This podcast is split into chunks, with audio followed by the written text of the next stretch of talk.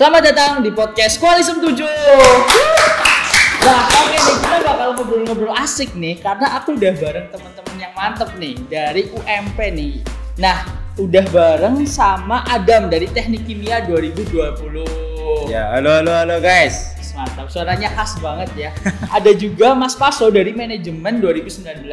Halo Dedeko. Mantap. Nah, aku mau ke Adam dulu nih, Dam. Gimana, Dam? Rasanya kuliah online di semester pertama di UMP, Dam?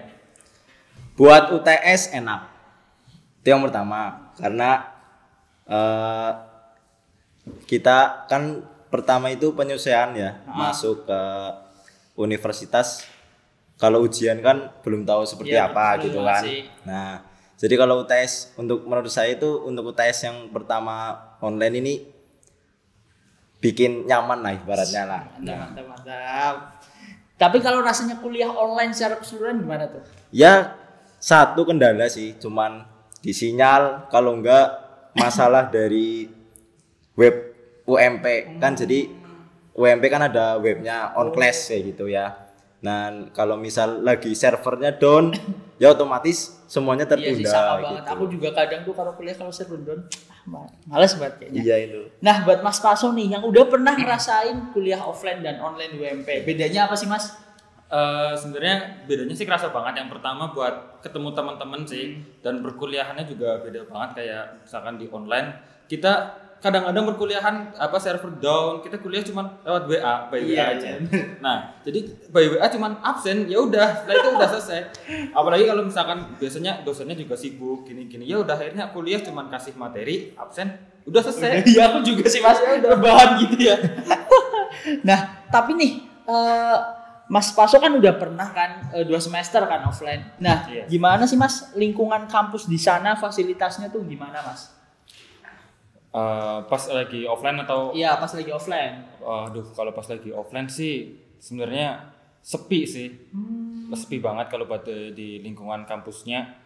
Ya, kayak kalau aku kan dari manajemen kan biasanya tetap ada kegiatan eh, kewirausahaan. Jadi di manajemen tuh kayak eh, apa namanya kayak jualan gitulah. Oh. Tetap eh, kayak ada SK satu matkul yang disuruh jualan sampai nanti semester 6.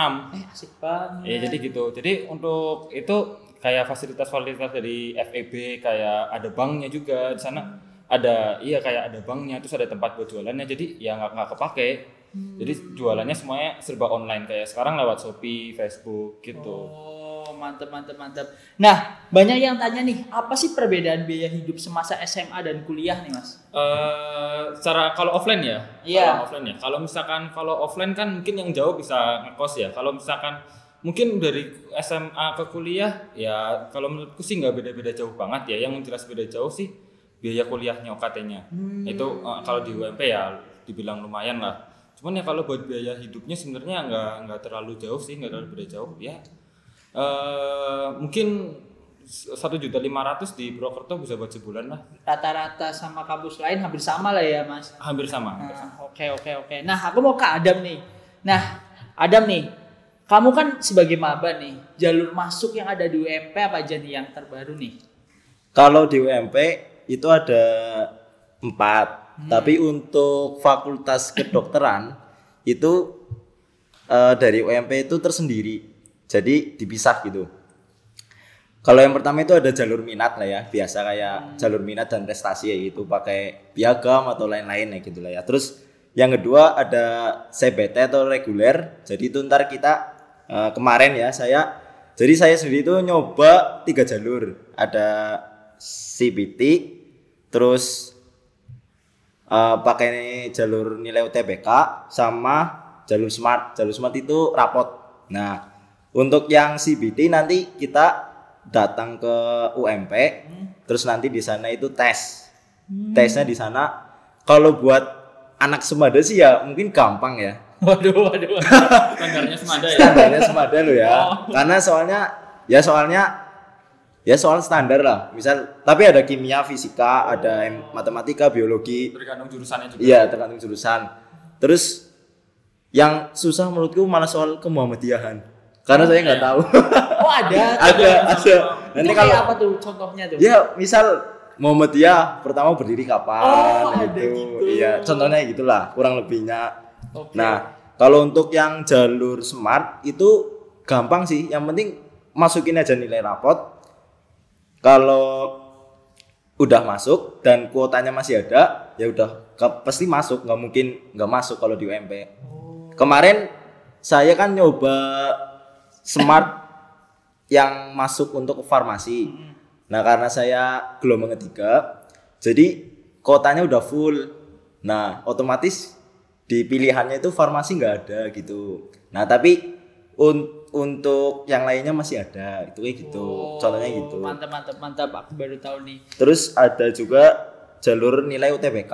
Hmm, itu yang umum ya. itu yang ya yang masuk lah itulah kayak biasa terus yang terakhir itu yang yang baru saya tahu ya itu jalur kedokteran itu dipisah itu saya malah baru tahu kirain waktu itu kedokteran dijadiin satu ternyata malah di- dipisah gitu nggak tahu kenapa intinya dipisah gitu Oke, mantap mantap nih. Berarti buat yang mau masuk kedokteran UMP, ada nih informasi jalur masuk khusus nih kedokteran UMP. Iya, nah, betul. Dam, yang terbaru nih biasanya tuh eh, adik-adik tuh tanya UKT kan yang menjadi kadang biaya eh, kuliah mahal nggak sih? Ah. Nah, terbaru nih kamu berapa nih UKT? kalau saya kan teknik kimia Hmm. teknik lah penggulungannya itu sekitar jadi ada pembangunan ada pengembangan Hmm. kalau pembangunan itu di saya sekitar 11 Hmm. terus nanti ada pengembangannya itu 3 juta ya kurang lebihnya 15 lah Oh. itu gelombang 3 ya untuk gelombang 2 sama 1 ya selisihnya 1 sampai 2 juta lah selisihnya nggak nggak nggak jauh Kalau Mas Paso nih dulu berapa nih Mas? Kalau waktuku dulu sih ini masuk ke manajemen sekitar 8.500 di gelombang pertama ya. Mungkin gelombang kedua, gelombang ketiga ya nggak beda jauh sih sekitar 9 juta, 9 juta 500 lah gitu. Cuman kalau enaknya eh, buat buat buat zamanku ya, buat waktu aku masuk ya. Jadi eh, setiap semester tuh katanya turun. Oh, gitu. Iya, jadi nggak tetap. Cuman nggak tahu sekarang turun juga ya. Kamu gitu juga nggak Dam? Kira-kira beritanya tuh simpang siurnya gimana Dam? Jadi kalau eh kan jadi misal ini ya, saya kan berarti totalnya sekitar 14. Nah, 14 ini intinya udah udah sampai lulus. Nah, nanti dari apa ya? Dari UMP-nya itu udah konsep di, di bayarnya itu dipecah-pecah. Misal semester 1 dicicil dua setengah, semester 2 dua setengah lagi, semester 3 dua setengah lagi, semester 4 dua setengah lagi. Nah, tapi untuk biaya studi yang misal per semester ya itu nanti setiap tahun juga turun. Itu ciri khas tuh berarti tuh. Iya, Soalnya jadi nggak di- semakin sedikit SKS, semakin turun. Oh gitu, Iya. asik banget dong. Jadi Iya. semakin tinggi semesternya semakin turun UKT-nya. Iya. Mantap nih. Nah buat univ-univ lain yang dengerin, nah nih diterapin nih harusnya nih. Iya, itu kayak gitu. Jadi bisa semester 8 itu UKT-nya cuma satu juta. cuma satu juta bisa. Masa juta, iya. Iya. Soalnya aku di semester 2 juga udah turun jadi 6 juta 500 dari 8 juta. dari 8 juta 500. Mantap nih, mantap nih. Nah jadi buat adik-adik tuh yang bingung soal stigma biaya kuliah mahal di UMP, nah udah kejawab kan. Jadi tuh bisa turun ya per. Iya. Ah, Untuk oke. berarti yang tadi kan pembangunan sama pengembangan. Untuk semester satunya kalau saya sekitar 8 jutaan.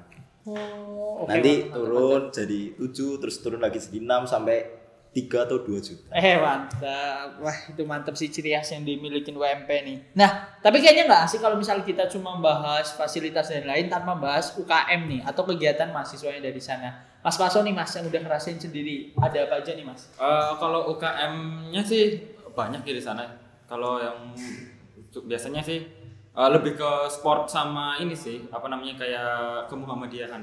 Agama lebih kayak agama gitu. Karena Iya. kayak eh, mungkin ada kayak musik rebana, terus apa sih kayak hafalan Quran gitu. Jadi ya ya agamanya cukup kental lah di sana lah gitu. Terus buat yang sport mungkin kayak bisa ada yang apa sih kayak hiking. Oh, terus ada juga. ada ah, itu itu ada terus ya yang biasa-biasa ya basket terus futsal dan sebagainya ya yang lebih menarik lagi waktu itu ada yang kayak ini sih kayak apa ya kayak outdoor outdoor kegiatan outdoor lah gitulah Terus ada satu lagi UKM. Kayaknya cuma di, di instansi Muhammadiyah ya. Jadi ada yang namanya Propam. Tahu nggak? Tahu. Propam itu kalau kalau di NU itu kayak banser. Oh iya, kok Nah, kokam apa Kokam. kokam? Eh, kokam. Nah, kokam kokam ya, sorry, Itu kokam. buat jaga keamanan Nah, gitu lah. Jadi itu itu masuknya juga kayak UKM. Jadi kita itu bisa daftar. Kemarin ya pas promosi kita bisa masuk ke kokam. Nanti ada kegiatannya, kegiatannya itu kayak pramuka gitulah. Oh, kayak nanti ada iya. misal jalan-jalan ke daerah mana gitu, Oh. nanti gitu. Nanti itu seleksi. Nanti Nanti ada seleksinya. Ada. Nggak, ada ada kayak gitu. Nanti masuk, nanti kalau misal ada hajatan gitu, kita apa kokam disewa, ntar kita dikasih duit. Iya kayak gitu. Yes, gitu. Jadi kayak waktu dulu zamanku demo juga yang nertipin kokamnya dari Oh. iya dari kokam UMP-nya. Iya, itu dari mahasiswa ada, bisa masuk ikut kokam. Mantap. Aduh sayang banget nih kita udah sampai sesi akhir podcast. Banyak banget ciri khas yang dimiliki UMP ternyata nih yang kita jarang tahu. Tapi sebelum aku mengakhiri nih, kasih semangat dong buat adik-adiknya yang lagi belajar. Dari Mas Pasu dulu nih Mas. Gimana nih? Aduh.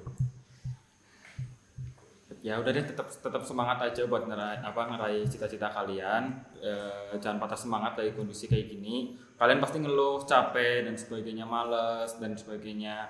Eh, ingat orang tua kalian, ingat cita-cita kalian, tetap semangat, belajar terus eh, dan jangan lupa ibadah. Mantap. Adam Dam gimana Dam?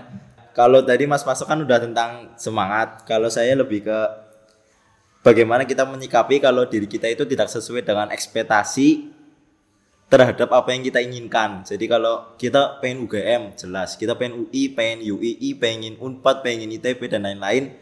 Tapi kalau misal kita rezekinya di tempat lain, ya udah syukurin aja gitu loh. Jadi nggak usah nggak usah kecewa, jalani aja apa yang kita terima gitu. Mantap. Oke asik banget bincang-bincang bareng WMP hari ini. Makasih banyak nih buat Mas Paso, buat Adam yang udah hadir sama-sama. di podcast hari ini dan buat adik-adik Semada 21 makasih nih yang udah dengerin podcast hari ini. Jangan lupa semangat belajar, tetap berdoa dan sampai jumpa di podcast-podcast selanjutnya. Yuh!